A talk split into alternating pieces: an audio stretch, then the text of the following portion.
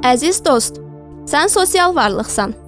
Danışmağı, gülməyi, əylənməyi, hətta təcrübəni paylaşmağı sevirsən. Bu həyatda bəlkə də ən çox başqaları tərəfindən anlaşılmaq istəyirsən. Lakin bəzən yaşadıkların gözləntilərini qarşılamır.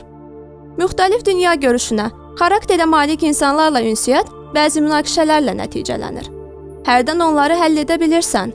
Bəzən isə özünə bu sualları verirsən. İndi mən nə etməliyəm? Necə edim ki, bu münaqişə həll olunsun? Öncəliklə, gəl bunu unutma.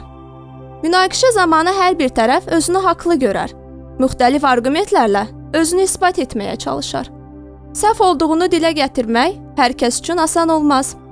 Bu zaman qarşı tərəfi səhv olduğunu inandırmaq yerinə problemi necə həll edəcəyinə diqqət yetir.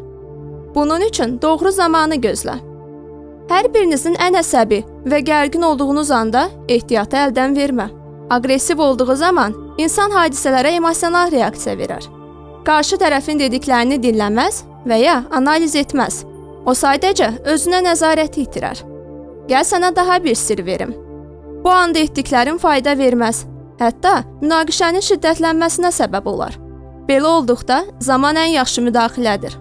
Özünə və ona zaman ver. Bunu sakitləşmək və baş verənləri yenidən düşünmək üçün et. Nitqini inkişaf etdir. Qınayıcı və qarşı tərəfi günahlandıran sən dilini öz fikirlərini, emosiyalarını əks etdirən mən dili ilə əvəzlə.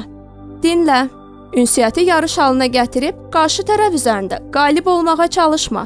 Söz savaşına girmə. Sadəcə onun nə demək istədiyini anla. Günahlandırma. Bu yalnız vaxt itkisidir.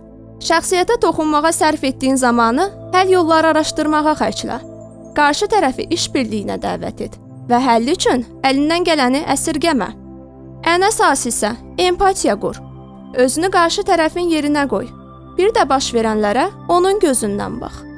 Bəzən hər şey göründüyü qədər sadə olmur. Problemə deyil, həllə fokuslan.